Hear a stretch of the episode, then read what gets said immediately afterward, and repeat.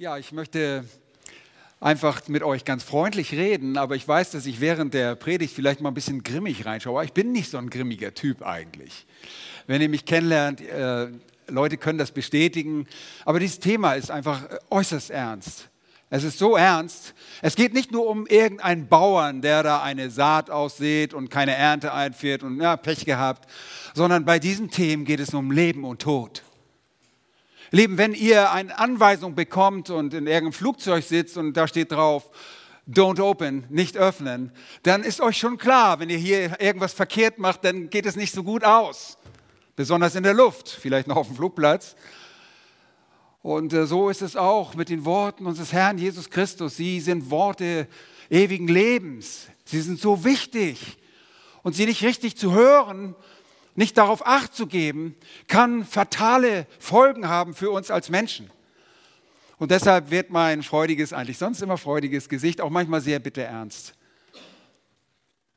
Und ich möchte euch aus der Bergpredigt, nicht aus der Bergpredigt, aus der Predigt unseres Herrn Jesus Christus, die er gehalten hat in diesem Gleichnis, den dritten Ackerboden heute Nachmittag vorstellen. Wir haben das Gleichnis vom Seemann gelesen und ich werde nur einen Teil davon wiederholen, und zwar die Erklärung. Wir wissen, dass der Seemann ausging, um zu sehen. Auf dem Acker, dort typisch im Norden Israels, in Galiläa, dass dort Weizen angebaut wird und der Same wurde gestreut. Und der Same fiel auf verschiedene Ackerböden, beziehungsweise der erste, die erste Saat fiel auf den Weg der komprimiert und fest war und das, der Same konnte nicht in den Boden eindringen und konnte nicht gedeihen. Er wurde gleich von den Vögeln aufgepickt und aufgefressen und auch von Vorbeigehenden zertrampelt. Die Saat blieb fruchtlos. Anderes fiel auf scheinbar guten Boden, aber es gab einen felsigen Unterboden, sodass die Saat so wie sie an zu keimen fing, keine Wurzeln entwickeln konnte. Und wir haben darüber gelernt, dass äh, der Weizen ein Tiefwurzler, nein, kein Tiefler, ein Intensivwurzler ist. Es gibt auch Tiefwurzler, aber er ist relativ tief für einen Intensivwurzler, nämlich bis zu einem Meter.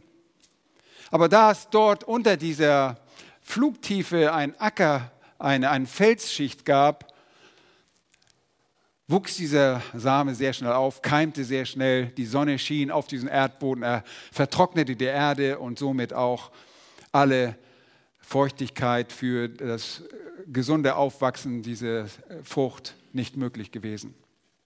Jetzt kommen wir zu dem dritten Ackerboden und dieser dritte Ackerboden ist eigentlich ein sehr guter Ackerboden, wenn er nicht verderbt wäre. Und ich lese euch den Text von Vers 13 nochmal vor. Markus Kapitel 4 von Vers 13. Und er, das ist Jesus, spricht zu ihnen, wenn ihr dieses Gleichnis nicht versteht, wie wollt ihr dann alle Gleichnisse verstehen? Der Sämann sät das Wort. Die am Weg aber sind die, bei denen das Wort gesät wird. Und wenn sie es gehört haben, kommt zugleich der Satan, nimmt das Wort weg das in ihr Herzen gesät worden ist. Und gleicherweise, wo auf steinigem Boden gesät wurde, das sind die, welche das Wort, wenn sie es hören, sogleich mit Freuden aufnehmen, aber sie haben keine Wurzel in sich, sondern sind wetterwendisch. Später, wenn Bedrängnis oder Verfolgung entsteht, um des Wortes willen, nehmen sie sogleich Anstoß. Das ist der Predigtext von heute, Vers 18 und 19 als Erklärung zu dem vorausgehenden Text. Und die, bei denen unter die Dornen gesät wurde, das sind solche, die das Wort hören. Aber die Sorgen dieser Weltzeit und der Betrug des Reichtums und die Begierden nach anderen Dingen dringen ein und ersticken das Wort und es wird unfruchtbar. Nun, anhand dieser Predigt möchte ich euch einfach herausfordern, eure Herzen zu prüfen. Heute geht es darum, den Glauben, die Hoffnung und die Liebe der religiösen Menschen anzusehen, die das Wort unfruchtbar sein lassen. Der Glaube, die Hoffnung und Liebe der religiösen Menschen, die das Wort unfruchtbar sein lassen. Ganz offensichtlich, wir kennen Glaube, Hoffnung, Liebe, diese drei. Die größte ist unter ihnen was? Die Liebe 1. Korinther 13, Vers 13. Aber hier geht es um eine oberflächliche, einen Glauben, der nicht rettend ist, eine Hoffnung, die zu Schanden wird und eine Liebe, die auf sich selbst gerichtet ist. Nun, Sie sind Hörer, die offensichtlich viel gehört hatten und sich möglicherweise auch sehr gut auskannten. Und auch heute noch. Viele hören das Wort, sie sind belehrt im Wort Gottes. Der Boden ist an sich ein besserer. Es ist ein Glaube ein, ein, vorhanden, eine Hoffnung und auch Liebe ist vorhanden. Allerdings, der Text in Vers 19 sagt, aber. Aber ist ein Kontrast, leitet ein, Achtung, ein Finger hoch, aber die Sorgen dieser Weltzeit, sie dringen in das Leben dieses Menschen ein. Und was tun sie? Sie ersticken was? Das Wort, den Samen. Und ausgedrückt wird das in dieser Vergleichsgeschichte, in dieser Rahmengeschichte, was bekannt war, wenn man die Dornen gesät hatte. Dann wuchsen die Dornen dort auf und die Dornen raubten dem Weizen den Nährboden, die Energie, die aus dem Nährboden gezogen wurden, die Nährstoffe, die wurden von dem Unkraut in Anspruch genommen, von den Dornen in Anspruch genommen. Und oberhalb spendete dieser Unkraut, dieser Dornenbusch, Schatten und erdrosselte, strangulierte sozusagen den Weizen, der aufwuchs. Nun, hier kommen Sorgen dieser Weltzeit. Hier sind Menschen, die glauben, aber sie haben Sorgen. Das ist ihr bedrückender Glaube. Er erstickt das Wort. Es ist bedrückender Glaube. Ich erkläre das. Der Text lesen wir zunächst, aber die Sorgen dieser Weltzeit dringen ein und ersticken das Wort. Und dieser Boden ist weder hart, noch hat die Erdschicht einen verdeckten Felsgrund, der die Ausbreitung der Wurzeln beeinträchtigt. Der Boden ist im Prinzip ausgezeichnet. Allerdings ist es auch ein anderes ins Erdreichen äh, gefallenen Samen auch recht, sich dort auszubreiten. Samen, die sich auf natürliche Weise in den allermeisten Fällen, manchmal kamen auch Feinde und streuten Unkraut zwischen die Felder. Aber hier kam er wahrscheinlich auf natürliche Weise, äh, hat er sich dort angesiedelt und findet fruchtbaren Boden vor, dieser Dornbusch, dieses Dorngewächs. Dieser Same ist nicht das Wort, sondern ein Same, der mit seinem Gedeihen in Konkurrenz zu dem Wort Gottes steht. Nun, es kommt zur Ausbreitung eines Dornengewächses, das im Laufe der Zeit dominiert und zum einen dem Boden wichtige Nährstoffe entzieht, wie ich euch gesagt habe, äh, die der Weizen für seine Reifen nötig hat. Zum anderen dringt das Dorngewächs äh, so in die Wurzel ein, verwurzelt sich mit der Wurzel des äh, Weizens, aber auch auf der anderen Seite bringt dieses Dorngewächs Schatten und hindert das Gedeihen des Weizens. Nun, der Same und dessen Gewächs wird erstickt. Und die Folge des Erstickens ist, dass keine Frucht entsteht. Der Seemann sieht in solchem Fall nicht den irdischen Lohn für seine treue Arbeit des Sehens. Wir haben schon mehrfach erwähnt, es war nichts verkehrt daran, wie der Seemann gearbeitet hat. Der Seemann war in Ordnung, keine Kritik am Seemann, keine Kritik an dem, was er gesehen hat. Der Same war einwandfrei. Diese beiden Dinge stehen nicht im Vordergrund. Hier steht der Ackerboden im Vordergrund. Nun, wie schon zuvor, so bleibt auch hier die Frucht aus. Von diesen drei Ackerböden kann aus den unterschiedlichsten Gründen nicht geerntet werden. Kein Ertrag, keine Frucht. Und der erste Grund im parallelen Aufwachsen mit Dornen ist, dass in den Herzen dieser Menschen ein bedrückender Glaube vorliegt. Ihr bedrückender Glaube. Nun, sie sind offensichtlich religiös. Sie sind religiös. Aber ihr Glaube unterscheidet sich vom rettenden Glauben. Und wir ziehen auch andere Schriftstellen heran. Jesus äh, lehrt nicht nur diese ein paar Dinge hier. Wir wissen, dass ein wahrhaftiges Kind Gottes nicht vom Glauben abfällt. Ein tatsächlich wiedergeborener Mensch, ein neuer Mensch, eine neue Kreatur wird nicht abfallen. Die Abtrünnigkeit bezieht sich immer auf solche, die keinen Glauben hatten, der rettete. Und auch hier ist diese Art von Mensch im Vordergrund. Es ist ein bedrückender Glaube. Ihr Glaube besteht letztlich darin, dass sie sich selbst so sehr um alles in der Welt sorgen, dass es letztlich keinen Raum mehr gibt, über Gott nachzudenken und ihn zu finden. Und sie können eine ganze Menge tun. Religiöse Menschen können eine ganze Menge tun und denken, sie müssen viel tun, obwohl sie sich verbal zu Gott bekennen. Sie kümmern sich um alle möglichen Weltgeschehen. Und es ist interessant, wie sich Christen heute in das Weltgeschehen einmischen und meinen, sie müssten die besten Umweltschützer und Tierschützer der Welt sein, die äh, Demonstrationen gegen Abtreibung anleiten. Nun versteht mich nicht verkehrt. Wir sind für Umweltschutz, wenn es gemäßigt ist, wenn es nicht absolut übertrieben ist. Ich mache auch keinen Ölwechsel irgendwo auf dem Feld hier in der Nachbarschaft. Aber es muss in einem Rahmen sein. Und Tierschutz, ja, da gibt es Leute, die das machen. Ich habe einen anderen Auftrag. Ich bin ein Prediger und ein Prediger ist auch kein Politiker. Wir haben zwar das P gemeinsam und das ER am Ende, aber ansonsten nichts. Wir sind nicht dazu berufen, Unterzeichnungen von Petitionen anzuleiten, das können wir wohl mal tun, aber Menschen verstricken sich in alle möglichen Geschäfte dieser Welt. Und es bleibt keine Zeit mehr, sich wirklich um das Wort Gottes zu kümmern. Sie unterzeichnen Petitionen, sie gehen in die Politik auf eine Art und Weise, dass sie keine Zeit mehr haben, sich um das Eigentliche zu kümmern, das Wort Gottes. Nun, ich sage euch eins, ich werde dieser Obrigkeit untertan sein, das ist ein Befehl Gottes. Aber ansonsten ist unsere Berufung nicht eine irdische Berufung. Wir haben eine himmlische Berufung und es geht um Wahrheiten, die über Leben und Tod entscheiden. Offensichtlich kann ein Mensch sich um alles kümmern und deshalb ist es auch ein so bedrückender Glaube, den diese Menschen in ihrer Betriebsamkeit beherrscht. Menschen machen sich zusätzlich dann auch um alles Sorgen. Sie sind bedrückt, weil sie glauben, dass sie diese Welt retten können. Sie haben keinen rettenden Glauben. Ihr Glaube irrt. Sie weichen ab von dem, was das Wort Gottes sagt. Sie treffen nicht das, was das Wort Gottes sagt, obwohl sie es hören. Sie hören das richtige Wort Gottes. Es wird ihnen gepredigt, aber sie hören selektiv.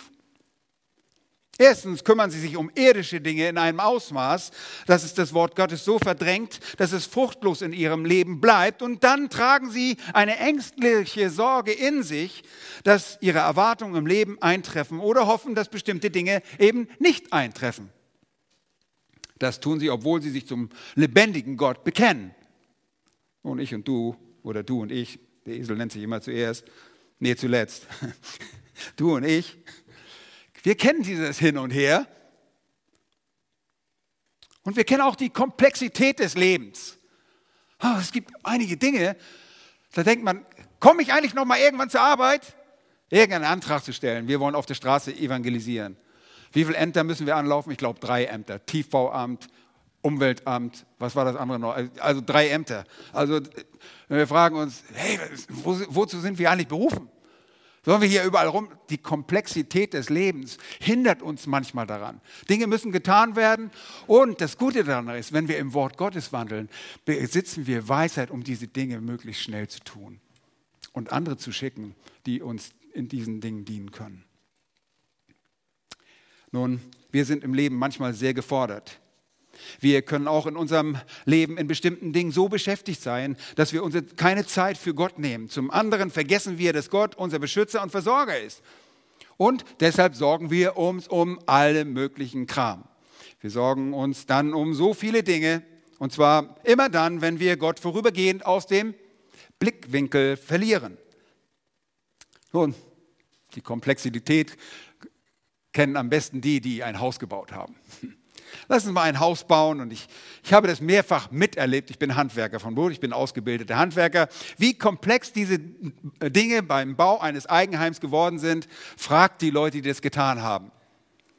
Oh, ich gönne jedem ein eigenes Haus, besonders wenn man ausreichend Geld zur Absicherung von auftretenden Schwierigkeiten hat. Ein Bauvorhaben um nur eine Sache beispielhaft zu nennen, kann einem den Nerv rauben und die Gedanken so beschäftigen, dass kein Platz mehr für Gott da ist. Weil es hört nicht mit dem Haus auf, sondern dann kommt noch der wunderschöne Garten dazu, die ganze Gartenanlage und die Garage. Aber mittlerweile stellt man auch fest, das Auto passt auch nicht mehr dazu. Das ist viel zu schäbig für das neue Haus. Das sieht richtig schrecklich aus. Habt ihr das schon mal gesehen? Du hast so ein schönes Haus gebaut und da steht auf einmal so ein alter Trabi drin. Nee, geht gar nicht. Na, wir machen eine große Anschaffung und schwupp ist Gott aus dem Blickfeld, weil wir uns auf unsere weltlichen Geschäfte konzentrieren. Nun, der temporäre Aspekt, den wir kennen, ist bei dem Ungläubigen mit seinem bedrückenden Glauben ein Dauerzustand.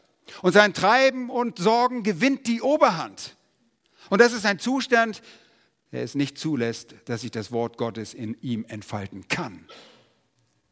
Diese Sorge erdrückt das, was er gehört hat. Es sind Menschen, die von dieser bedrückenden Sorge dauerhaft charakterisiert sind. Sie sind nicht nur in einem stetigen Treiben, sondern machen sich auch ständig Sorgen im Sinne von Verängstigung und beweisen damit, dass sie gar nicht Kinder Gottes sind. Kinder Gottes brauchen nicht selbst Sorge zu tragen. Oh, bitte hört mich richtig. Ich, ich, ich sage euch nicht, dass ihr euch die Füße hochlegen sollt und jetzt faul sein sollt. Dass, dass ihr, wir sollen hart arbeiten und auch planen. Aber der Mensch soll sich nicht ängsten vor den Dingen, die auf ihn zukommen könnten. Wenn so und so und das und das und das alles passiert und wenn jetzt der Amerikaner da einfällt oder der Russe hier eine Bombe wirft, dann werde ich mein das verlieren. Und wisst ihr, wie das geht? Leute sorgen sich über jeden Mist. Und gerade der ungläubige Mensch, der kein Gott hat, den er nur mit seinen Lippen bekennt, der macht sich riesige Sorgen über solche Dinge.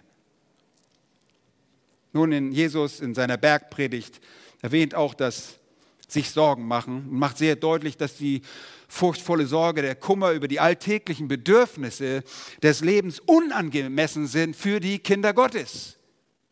Sie gehören zu den Ungläubigen. Und er sagt, in seiner Botschaft, wenn sich Menschen um die Grundbedürfnisse des Lebens sorgen, dann wäre das für Kinder Gottes falsch. Denn, Matthäus 6, 32, nach all diesen Dingen trachten die Heiden. Aber euer himmlischer Vater weiß, dass ihr das alles benötigt. Heiden, und das sind hier die Ungläubigen, kennen Gott nicht und sie haben allen Grund, sich zu sorgen. Sie haben keinen Beistand, sie haben keinen Hüter aber ein Kind Gottes, das zur Kenntnis der Wahrheit gekommen ist, wächst in der Erkenntnis seines Herrn und Retters und vertraut und glaubt ihm und wird sich auch nicht in einem stetigen Treiben einlassen, wird sich nicht darauf einlassen, dass es ihm die Zeit raubt und die Gemeinschaft mit ihm. Wisst ihr, er wird sich auch keine Sorgen machen, denn der Hüter Israels ist auch dein Hüter und dein Beschützer. Er ist unser Fels, unser Zufluchtsort. Petrus sagt sogar an einer Stelle, alle eure Sorgen werfet auf ihn, denn er sorgt für euch. Werf dein Anliegen auf Jahwe und er wird für dich sorgen. Er wird den Gerechten in Ewigkeit nicht wanken lassen, sagt Psalm 55, Vers 23. Religiöser Glaube, ja, aber Gott vertrauen? Nein. Diese Kategorie von Menschen vertraut Gott nicht wirklich. Es ist ein rein nominelles Christentum. Das ist der bedrückende Glaube des Sich-Sorgens. Und der sorgentreibende Wesen der religiösen Menschen lässt dem Wort einfach keinen Raum, dass es Frucht bringt. Ihr Glaube wird stranguliert. Und wir haben schon bei dem vorherigen Boden gesehen, dass äh, die oberflächlichen Gläubigen die sofort Halleluja schreiben und zu allen bereit, oh, ich bin dabei. So wie Bedrängnis kommt und Verfolgung um des Wortes willen, fallen sie, nehmen sie Anstoß und sind weg. Hier ist es mehr ein schleichender Prozess. Hier sind gläubige Menschen, die sich zu Christus bekennen und ich glaube leider, dass unsere Gemeinden heutzutage auch voll davon sind. Und sie wollen noch möglichst alles mitnehmen, was hier in der Welt zu greifen ist. Die ganze Betriebsamkeit, alles das, was die Welt noch zu, anzubieten hat und was man notwendigerweise auch tun muss und tun sollte, da brauchen sie besonders viel Zeit und weil sie Gott nicht wirklich vertrauen, machen sie sich fürchterliche Sorgen. Nun, ihr Glaube wird stranguliert, erstickt wie ein dominantes Dorngewächs, das die ertragbringende Pflanze darin hindert, Frucht zu bringen. Der geistlich tote Mensch wird offenbar durch die Art seines temporären Glaubens ähm, wird einfach offenbar durch die temporäre Art seines Glaubens. Sie wird ein Ende finden, dieser Glaube. Und das ist wirklich bedrückend, ein wahrhaftig bedrückender Glaube. Ja, sie würden nie sagen, nein, nein, nein, ich glaube nicht an Gott, ich glaube an Gott. Sie bekennen sich dazu. Und deshalb unterscheide ich ihn, diesen rettenden Glauben, und sage, dass dies ein bedrückender Glaube ist. Wir sind so froh, dass der, der uns frei gemacht hat, durch die Wahrheit frei macht. Und das ist das Wort Gottes. Wir sind nicht bedrückt durch das, was oft in dieser Welt auf uns zukommt, sondern wir sind ermutigt, weil wir wissen, es wacht jemand darüber. Der Text geht weiter. Die von dem Dorn erstickten sind nicht nur solche, die bedrückenden Glauben besitzen, sondern Menschen, die einer irrenden, irreführenden Hoffnung folgen, einer irreführenden materiellen Hoffnung. Im Text lesen wir Vers 19 und der Betrug des Reichtums. Der Satz geht weiter. Der dringt ein und erstickt. Er gehört dazu. Auch der Reichtum, der Betrug des Reichtums erstickt. Er dringt ein bei diesen Menschen. Nun, wo besteht, worin besteht der Betrug des Reichtums? Hier wird nicht gesagt, dass jemand betrogen hat, um Reichtum zu bekommen. Das steht da nicht. Es ist vielmehr ein Betrug, der sich aus dem Reichtum ergibt, und zwar als eine Hoffnung, die alles andere als sicher ist. Eine irreführende Hoffnung für religiöse Menschen ergibt, dass sie sich auf irdische Güter konzentriert. Nun, Hoffnung hat immer mit der Zukunft zu tun. Sie ist auf Zukunft ausgelegt. Man erwartet etwas. Wir hoffen, dass die Schmerzen unseres Freundes bald vorüber sind. Wir hoffen, dass das Wetter nach dem Regen wieder schöner wird. Und es ist es auch geworden. Wir hoffen, dass, das, äh, dass, eine gut, dass es eine, diesem Jahr eine gut funktionierende Wirtschaft gibt. Überall hat das mit der Erwartungshaltung zu tun, die sich positiv für den Hoffenden auswirken soll. Auch hier gibt es eine Erwartung, nämlich eine Erwartung darüber, was irdischer Besitz, nämlich finanzielle Mittel für jemanden tun können. In der Hoffnung, diese Mittel helfen in einem Leben, in meinem Leben, sagt sich der Scheinchrist, vertraue ich darauf. Es ist die Hoffnung, die ein Mensch auf materielle Güter setzt und dann äh, und darin liegt der Irrtum, darin liegt der Betrug. Und das geschieht auf zweifache Weise. Ihr könnt sagen, kein Problem, ich bin sowieso nicht reich. Nun, entweder man strebt nach materiellen Gütern, um reich zu werden. Man möchte reich werden und dieser Reichtum soll dann in der Vorstellung denjenigen, die hoffen, die Probleme oder ihre Wünsche erfüllen, sobald man doch auch endlich reich ist. Zweitens, man hat schon Besitz und Reichtum und setzt seine Hoffnung, das ganze Vertrauen darauf. Ihr Lieben, ich habe das äh, erlebt. Ich war ein Kundendienstmonteur in Süddeutschland. In der reichsten Gegend der Welt hat man damals festgestellt, die höchsten Verdienste in den Stuttgarter Raum, in Böblingen. Und ich habe dort Kundendienst gemacht und war bei den reichsten Leuten in ihren Häusern. Und ihr, ihr glaubt nicht, sie haben auf ihr Reichtum gebaut. Aber ich möchte nicht mit denen tauschen. Hier eine Kamera, da, damals schon, hier eine Kamera, da eine Kamera. Ständig die Unruhe, dass du dein Geld wieder verlierst. Also zwei Möglichkeiten. Nicht haben und reich werden wollen. Okay, das ist die eine Möglichkeit, damit man sich wie der Reiche in Sicherheit befinden kann. Und zweitens, man ist bereits gut betucht, man besitzt Reichtum und setzt deshalb seine Hoffnung auf diesen irdischen Retter. In beiden Fällen so sagt uns die Schrift und zeigt uns auch die Erfahrung, ist das eine irreführende Hoffnung. Dieses Hoffen ist eine Form des Götzendienstes. Jesus sagte der Volksmenge einmal, gebt acht in Lukas 12, Vers 15. Gebt acht und hütet euch vor aller Habsucht. Paulus erklärt in Kolosser 3, Vers 5, das Habsucht war das Götzendienst. Und Jesus sagt weiter, denn auch wenn jemand Überfluss hat, besteht sein Leben nicht durch seine Habe. Nun, wer Besitz hat, der bildet sich darauf vieles ein. Absolut. Aber hört einmal vorsichtig auf das, was Paulus Timotheus schreibt und wie er die Reichen warnt.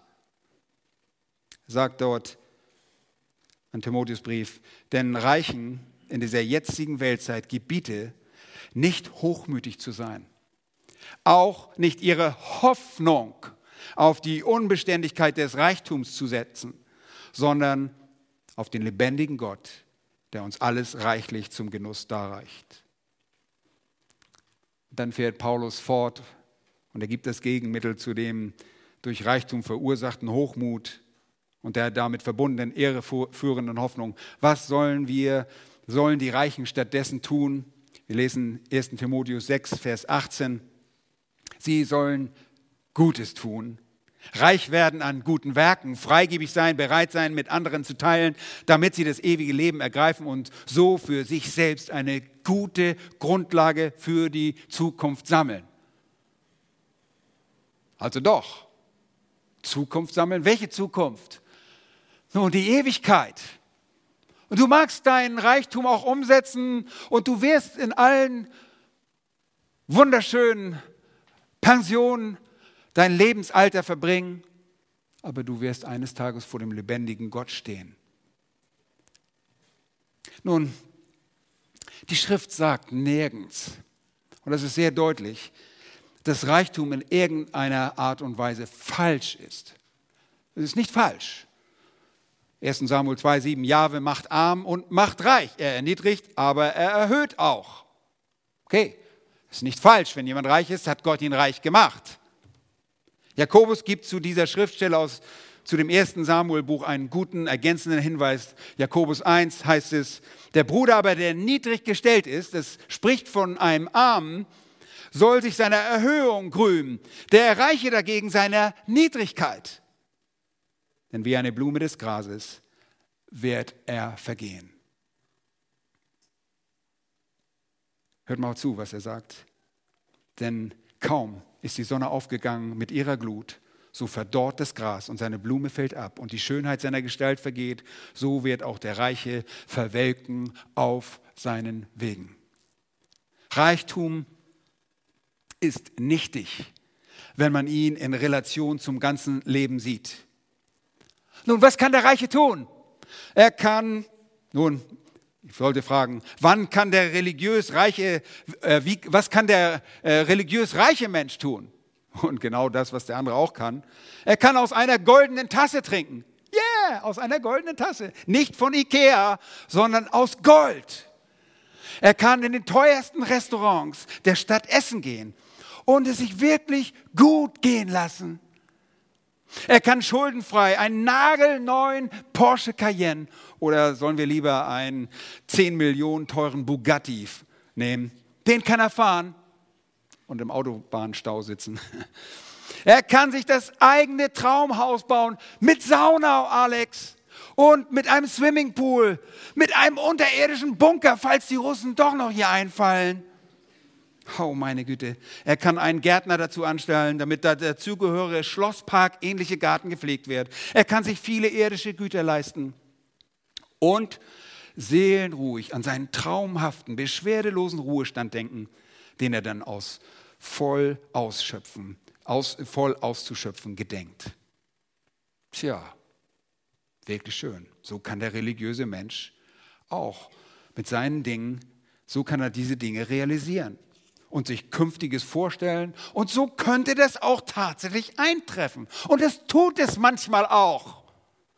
Die sind reich gestorben. Aber in den meisten Fällen wäre da nicht die Unbeständigkeit des Reichtums und des Lebens.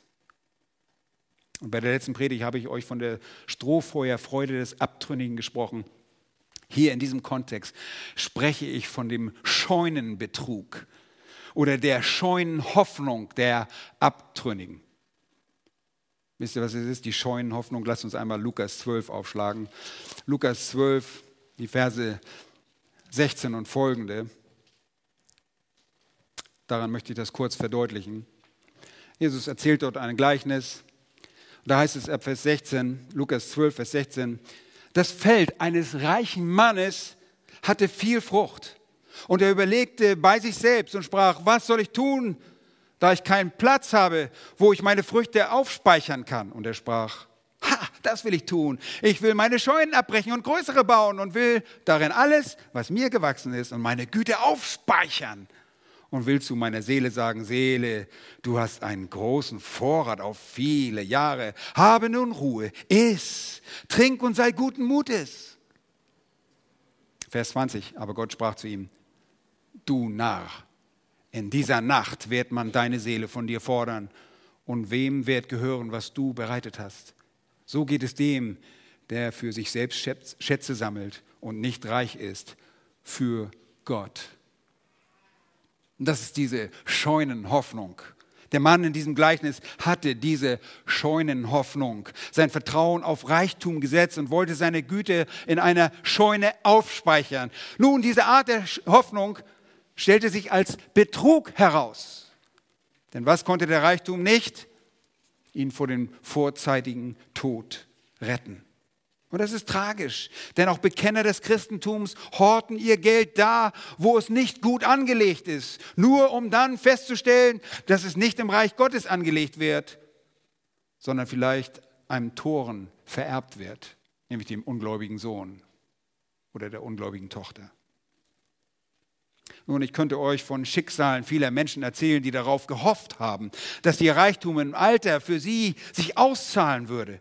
Ich könnte euch von jungen religiösen Leuten erzählen, die schon in jungen Jahren aufgrund ihrer Begierde nach Geld ihren ganzen Reichtum verloren haben, weil sie an den Spielenhallen unserer Stadt nicht vorbeigehen konnten, ohne den gerade erhaltenen Monatslohn gleich zu verspielen. Der Reichtum für die meisten Menschen nichts als ein süßer Betrug. Und diese Menschen wollen auf der einen Seite einen rettenden Gott, aber hoffen auf der Gegenseite darauf, dass ihr Geld sie irgendwo doch schützt. Wir müssen hier aber ganz deutlich sagen, das letzte Hemd hat keine Taschen. Und du wirst ohne Reichtum und du wirst ohne Ansehen der Person vor dem lebendigen Gott als Richter stehen. Ob du Geld hier hattest oder nicht, du wirst gerichtet. Und der Reichtum mag für eine zeitliche Versüßung des Lebens dienen. Wohl sei dem Menschen, der das kann. Ich gönne das jedem. Aber sie täuscht den Menschen über die geistliche Armut hinweg, in der der Mensch steckt und lässt den Reichen nach dessen Abscheiden als ein Bettler vor Gott stehen, dem dann vor dem Gericht nicht mehr geholfen werden kann. In Markus 10 lesen wir die Verse 24 bis 27. Und das ist nach der Begegnung Jesu mit dem reichen Jüngling. Ihr erinnert euch an diese Geschichte. Da staunten seine Jünger über das, was Jesus da sagte. Und er sprach nochmals, Kinder, wie schwer ist es für die, welche ihr Vertrauen auf Reichtum setzen, in das Reich Gottes hineinzukommen. Es ist leichter, dass ein Kamel durch das Nadelöhr geht, als dass ein Reicher in das Reich Gottes hineinkommt. Sie aber entsetzten sich sehr und sprachen untereinander, wer kann dann überhaupt gerettet werden? Jesus aber blickte sie an und sprach, bei den Menschen ist es unmöglich, aber nicht bei Gott, denn bei Gott sind viele oder alle Dinge möglich. Nicht viele, alle Dinge möglich. Und ihr Lieben, wir haben das Vorrecht gehabt, Menschen kennenzulernen, die reich sind, die ihr Geld richtig ange angelegt haben. Ich habe schon mal erzählt, ich habe einen Freund, der mir auf einmal erzählte, ah, Dieter, ich habe ich hab ein Einkaufszentrum gekauft. Ich sage, ja, welchen Laden denn? Nee, nee, das ganze Einkaufszentrum. Okay, ja. Also der hatte schon Geld, aber hat sein Geld auch wirklich für Christen eingesetzt. Gorgons und wir sind auch von ihm unterstützt. Ähm, Mr. Kim ist euch sicherlich ein Begriff schon mittlerweile. Aber setzt sein, sein Vertrauen nicht darauf, dass er reich ist. Selbst wenn du als ein ärmerer Mensch nur nach Reichtum strebst, bist du schon dieser scheuen Hoffnung zum Opfer gefallen. Denn die, 1 Timotheus 6, 9 bis 10, denn die, welche reich werden wollen, fallen in Versuchung und Fallstricke und viele törichte und schädliche Begierden, welche die Menschen in Untergang und Verderben stürzen. Denn die Geldgier ist eine Wurzel alles Bösen. Etliche die sich ihr hingegeben haben, sind vom Glauben abgeehrt. Wir reden hier nicht von Atheisten. Wir reden hier von solchen, die sich zu Gott bekennen. Sie sind vom Glauben abgeehrt und haben sich sehr viel, äh, selbst viel Schmerzen verursacht. Keine körperlichen Schmerzen. Aber Paulus drückt es hier sehr schön und deutlich aus. Etliche, die sich ihre Geldgier hingegeben haben, sind vom Glauben abgeehrt. Das sind die Abtrünnigen, von denen wir sprechen. Sie hatten keinen rettenden Glauben, weil ihr Glaube war, dass das Geld wird mich retten. Das Geld ist mein Vertrauen. Mein materieller Besitz ist das, worauf ich vertraue. Er spricht hier deutlich von dem Abehren vom Glauben, bei dem der Bekenner des Glaubens, der statt nach Gott zu streben, in Wirklichkeit nach Geld strebt und sich dabei sehr viel Schmerz aufbürdet.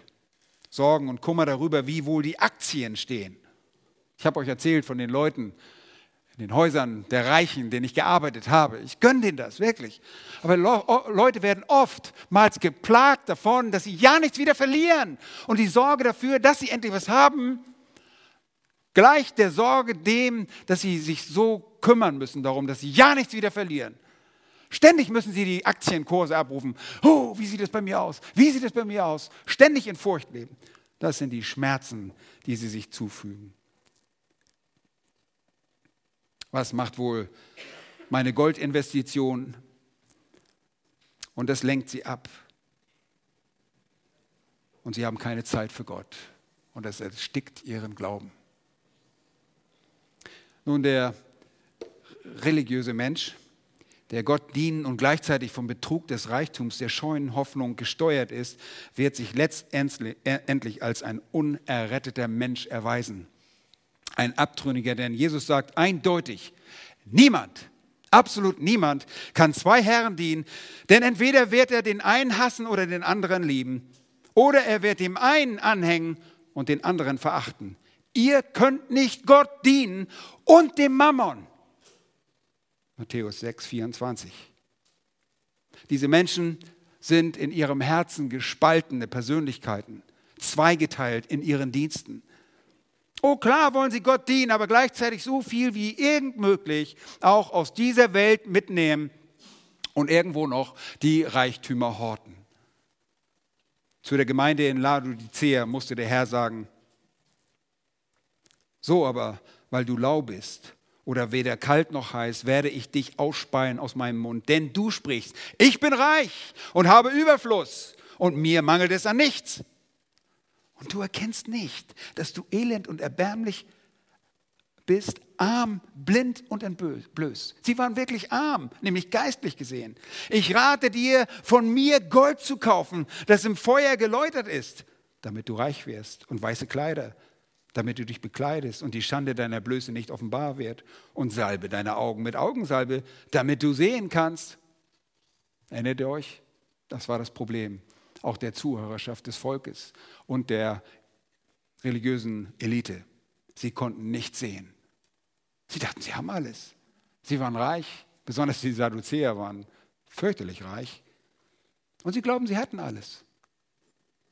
Warum noch einen wirklich ein Gott? Wir bekennen uns schon zu Gott. Sie waren geistig blind. Und so wie die Leute, wie die Gemeinde Laodicea sahen nur auf materielles Gut, das ihnen gegeben war, aber sahen nicht ihre geistliche Blindheit. Ihr Lieben, das zeichnet leider sehr viele Gruppierungen im Christentum heutzutage aus.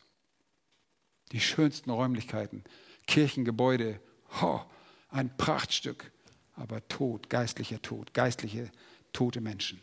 Diese Worte von der scheuen Hoffnung sollen uns kein Freibrief für Faulheit sein und verschwenderisches Ausgeben von Geld begünstigen. Wir sollen sogar unser Geld klug investieren und nicht nur für den Moment. Die beste Anlage ist, wenn du aus finanziellen Dingen bleibende Werte im Himmel machst, so wie es in der Gemeinde Laodicea geraten wird, damit ein Ausspeien aus dem Mund Gottes verhindert werden kann. Ihr Lieben, das ist eine wirklich schwache Hoffnung, eine scheuen Hoffnung, die vergeht. Und spätestens mit dem Tod wachen diese Menschen auf und dann ist es zu spät. Zu dieser Zweiteilung der Herzen gehören auch die anderen Begierden, die das Wort Gottes ersticken und es unfruchtbar sein lassen. Bitte lest weiter in den Text, Vers 19, 19c. Und die Begierden nach anderen Dingen dringen ein und ersticken das Wort und es wird unfruchtbar. Und jetzt wenden wir unser Augenmerk auf ihre eigensüchtige Liebe. Und diese erstickt das Wort. Ihre eigensüchtige Liebe diese Art der Liebe ist lediglich durch Begierde gekennzeichnet. Begierde, und das ist das eigensüchtige auf Befriedigung der eigenen Wünsche und Bedürfnisse gerichtete Begehren der Menschen. Es ist der sündige, gegen Gott gerichtete Drang, alles zu tun oder zu besitzen, was einem nur gerade so gefällt. Es ist eine exzessive, eine übermäßige Eigenliebe. Und wir alle wissen, dass wir uns selbst lieben. Das tun wir schon, sonst hätten wir uns heute Morgen nicht gefüttert. Würdet ihr schrecklich aussehen, wenn ihr euch nicht lieben würdet. Hoffentlich habt ihr die Zähne geputzt, sonst würde ich umfallen von eurem Atem oder eure Haare wären verschmiert, verklebt oder sonst. Ihr liebt euch, ihr sorgt für euch. Aber hier geht es um eine exzessive Selbstliebe, über übermäßige Selbstsorge. Und das ist der Grund für die Unwirksamkeit des Wortes.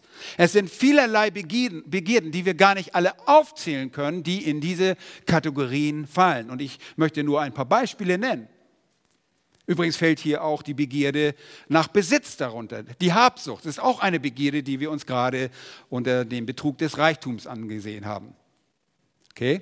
Hier geht es um diese anderen Begierden. Wie, wie sagt er das? Die Begierden nach anderen Dingen.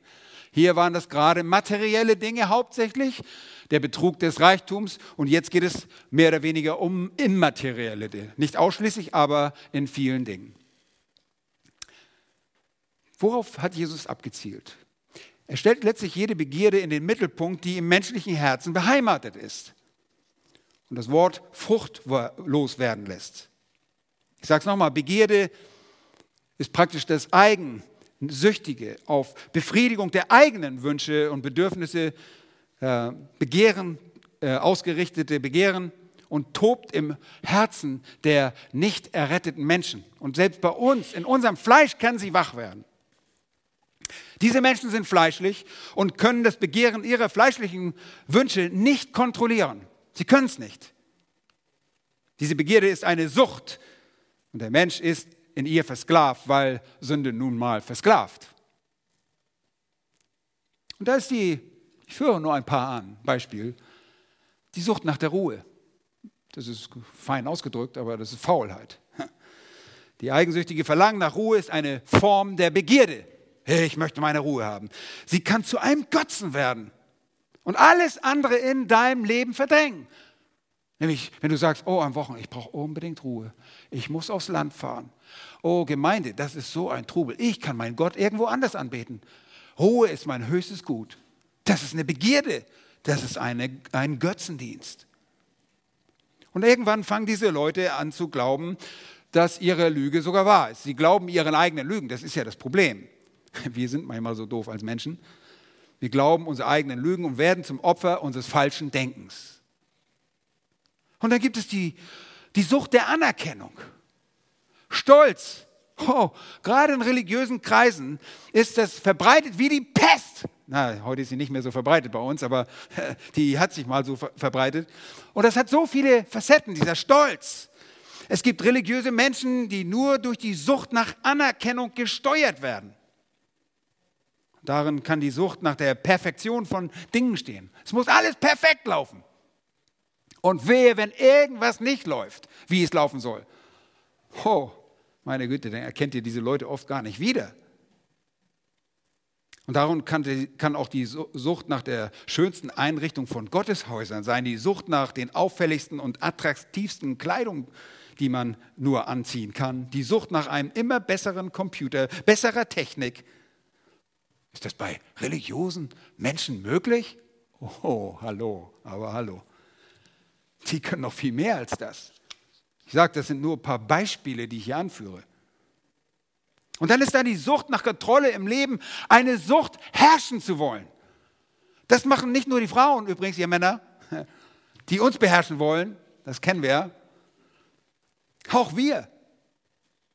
Und das kann Menschen lenken und sie beherrschen, nämlich in der Ausübung von Macht. Ich muss so oft an diesen Text denken aus 1. Petrus, wo Petrus den Ältesten sagt, hütet die Herde Gottes bei euch, indem ihr nicht gezwungen, sondern freiwillig Aufsicht übt, nicht nach schändlichen Gewinnen streben, sondern mit Hingabe, nicht als solche, die über ihn zugewissene herrschen. Wir sollen nicht herrschen, sondern indem ihr Vorbilder der Herde seid. 1. Petrus 5, 2 bis 3. Wir als Hirten wollen nicht herrschen, sondern die Herde weiden für den Herrscher, der allein regiert und König ist. Und eines Tages, wir haben das in der ersten Stunde gesehen, wir werden Mitherrschende, wir werden Regierende sein, aber hier und jetzt sollen wir uns nicht irgendwo als Kontrollfreaks aufführen. Gibt es ja gar nicht in religiösen Kreisen. Das tun religiöse Menschen sehr, sehr gerne. Ihr glaubt gar nicht, wie, wir, wie sehr das vertreten ist. Die Machteinflüsse zum Beispiel der katholischen Kirche werden größtenteils auf diese Weise geltend gemacht. Sie herrschen über Menschen durch das Wissen, das sie sich über diese Menschen angeeignet haben. Na, wie denn das? Nun, ich erzähle euch das. Stellt euch ein, äh, ein kleines Dorf vor und äh, Jemand hat gesündigt und er geht vor den Beistuhl. Und er breitet alles aus, breitet alles aus. Und dann kommt es dazu, dass man ihm sagt, dem Dorfkrugbesitzer einer kleinen Ortschaft im hinteren Alpenland wird nahegelegt, dass der Ehebruch mit der Bürgermeisterin des Dorfes vor zwei Jahren für eine kleine Spende auch in diesem, in diesem Jahr niemanden etwas angeht. Das wird einem dann so beim nächsten Mal gesagt. Da werden wir nicht drüber reden. Eine kleine Spende an die katholische Kirche wird das schon alles wieder gut machen für dieses Jahr. Für dieses Jahr. Absolute Kontrolle wird so ausgeübt. Ihr denkt, ich spinne? Ha, da gibt es noch viel mehr. Und da wir gerade beim Beistuhl sind, auch in christlichen Kreisen gibt es eine Begierde von ähnlicher Natur das sogar von angeblich gelehrten Seelsorgern, die aber in Wirklichkeit nur religiös sind. Sie wollen gerne in deine Problemwelt eintauchen, um sich so in ihrem Stolz als Retter schwierigster Probleme auszuweisen. Schrecklich, einfach schrecklich. Es, geht nur um Macht und Stolz. Wie trügerisch ist das Herz der Menschen. Dann ist die Begierde zu kontrollieren und damit jemand ja nicht Aufmerksamkeit, mehr Aufmerksamkeit als ich bekomme, lässt man bestimmte Leute, wenn es in der eigenen Macht steht, nicht tun, wozu sie offensichtlich mehr begabt sind. Das darf nicht sein. Nun, eine weitere Begierde, und meine Begierde ist, dass die Uhr langsamer geht. Oh, jetzt hab eine Begierde ist exzessiver Wunsch nach sexueller Befriedigung. Und aus ihr resultieren Unzucht und Ehebruch, die letztlich auch eine Art von Habsucht sind. Wenn man seine Wünsche durch jemanden erfüllt sehen möchte, der einem nicht gehört. Das ist eine Begierde, die auch hier hineinfällt. Nun, in gewissen religiösen Kreisen wird das geschlechtliche Experimentieren in dem Bereich mittlerweile als eine legitime Form der Liebeserweisung gesehen. Ich glaube das nicht, aber das ist so. Ihr lieben Menschen, die das billigen, haben dem Wort keinen Raum gegeben. Und es kann sich, kann sich nicht entwickeln. Es kann keine Frucht bringen. Diese selbstbezogene Liebe erstickt das Wort. Das Bekenntnis zu Gott ist in solchen und in den anderen angeführten Fällen nichts mehr als ein toter Glaube, der den Menschen in die Verdammnis führt. Egal wie viel du weißt, dann gibt es da die Sucht nach dem Rausch der Sinne. Wir können hier jede Form der Drogen aufführen, vom Alkohol bis zum Kokain und alles, was dazwischen und darüber liegt. Paulus schreibt den Ephesern, und berauscht euch nicht mit Wein, was Ausschweifung ist. Nun, vielleicht denkst du, dass das der religiöse Mensch ja gar nicht macht. Oh, denk noch mal nach. Die Betäubung der Sinne spielt in vielen Religionen eine große Rolle und auch bei Christusbekennern wird das praktiziert. Ein Mensch, der die Realität nicht mehr ertragen kann, flüchtet sich in Drogen, die ihn dann versklaven, weil Sünde nun einmal versklavt. Und es ist kein Wunder, denn Religion kann dein Inneres nicht befriedigen und erfüllen. Deshalb greift man zu etwas anderem. Und so wird sogar das Spektakel in Gott, Ge, äh, Gemeindegottesdiensten zu einer Droge mit ohrenbetäubender und stumpfsinniger, gehaltloser Musik, die das Denken über unseren Herrn Jesus Christus überhaupt nicht fördert und schon gar nicht das Evangelium erhält. Und so bleiben diese Menschen in einem ständigen religiösen Ritual verstrickt, bis die Umstände auch den Rest ihres Gottesglaubens herausstranguliert haben. Lieben, welch eine Tragik, welch eine Tragik. Frucht entsteht durch das Wort nur da, wo es treu durch einen Seemann verkündigt wird und es wohl durchdacht wird, bevor man es aufnimmt. Die Kosten der Nachfolge überprüft wurden. Und dann mit der Bereitschaft, sich Gott bis zum Äußersten zu ergeben, bereit sein Kreuz auf sich zu nehmen, mit der Bereitschaft, das eigene Leben zu verlieren, um es zu gewinnen. So kann man sich Gott nahen. Das Christentum ist nicht ein, eine Hinzufügung zu unseren religiösen Getue oder Gemache und zu unserem Leben. Es ist alles. Erinnert euch, was ist das größte Gebot? Wenn wir zurückgehen in 5. Buch Mose, das große Schema uns anlesen, dann heißt es dort in Vers 5, du sollst Jahwe, deinen Gott, lieben mit deinem ganzen Herzen. Merkt ihr etwas? Auch da sind wir manchmal aus dem Tritt. Wir müssen zurück zu dem, dass wir ihn ganz leben. Lassen wir uns nicht, führen wir uns nicht an der Nase herum. Auch wir können sündigen in dieser, in dieser Hinsicht. Lass uns zurückkehren. Ihn lieben mit ganzem Herzen, mit deiner ganzen Seele und mit deiner ganzen Kraft. Tust du das?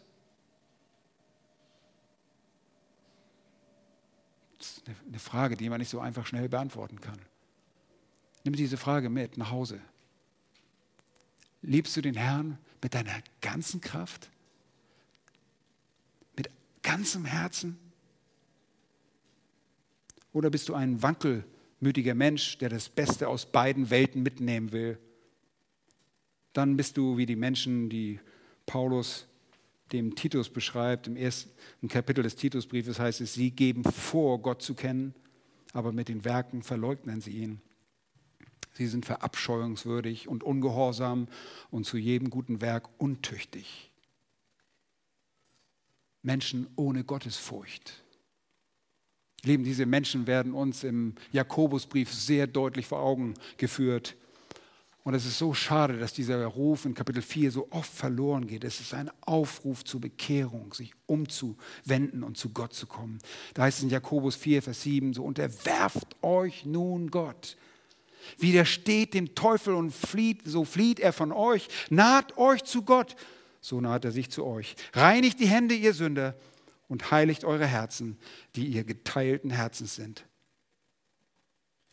Die Hände stehen für das Äußere, das Herz für das Innere reinigt beides. Nicht nur nach außen hin, sondern im Herzen. Weil Gott hasst Menschen, die geteilten Herzens sind. Der Psalmist drückt es einmal aus im Psalm 119. Er drückt seinen Hass gegenüber diesen Leuten aus, die geteilten Herzen sind. Und das ist der Hass Gottes. So ein Mensch denke nicht, dass er etwas von Gott empfangen, sagt Jakobus in Kapitel 1. Das sind die Zweifler, die unerretteten Zweifler. Nun, ich weiß nicht, wo du stehst, aber ich möchte dich einfach ernsthaft herausfordern, weder deine Speicher in eine scheuen Hoffnung zu legen, die so ungewiss ist, deine materiellen Speicher da zu suchen. Ich fordere dich herauf, dein Leben in einem Glauben dich an Gott zu wenden, von ganzem Herzen, ihm zu vertrauen. Und ich weiß, ich sage das auch und ich, ich kann mich wieder umwenden und kann schon wieder zweifeln. Nun, dem Herrn sei Dank, bei uns ist es temporär und wir können das, wir reinigen uns davon. Bei dem nicht erretteten Menschen ist es ein Dauerzustand. Er lebt so, weil er Gott nicht kennt. Reinige dein Herz, Liebe ihn von ganzem Herzen, nicht dich selbst.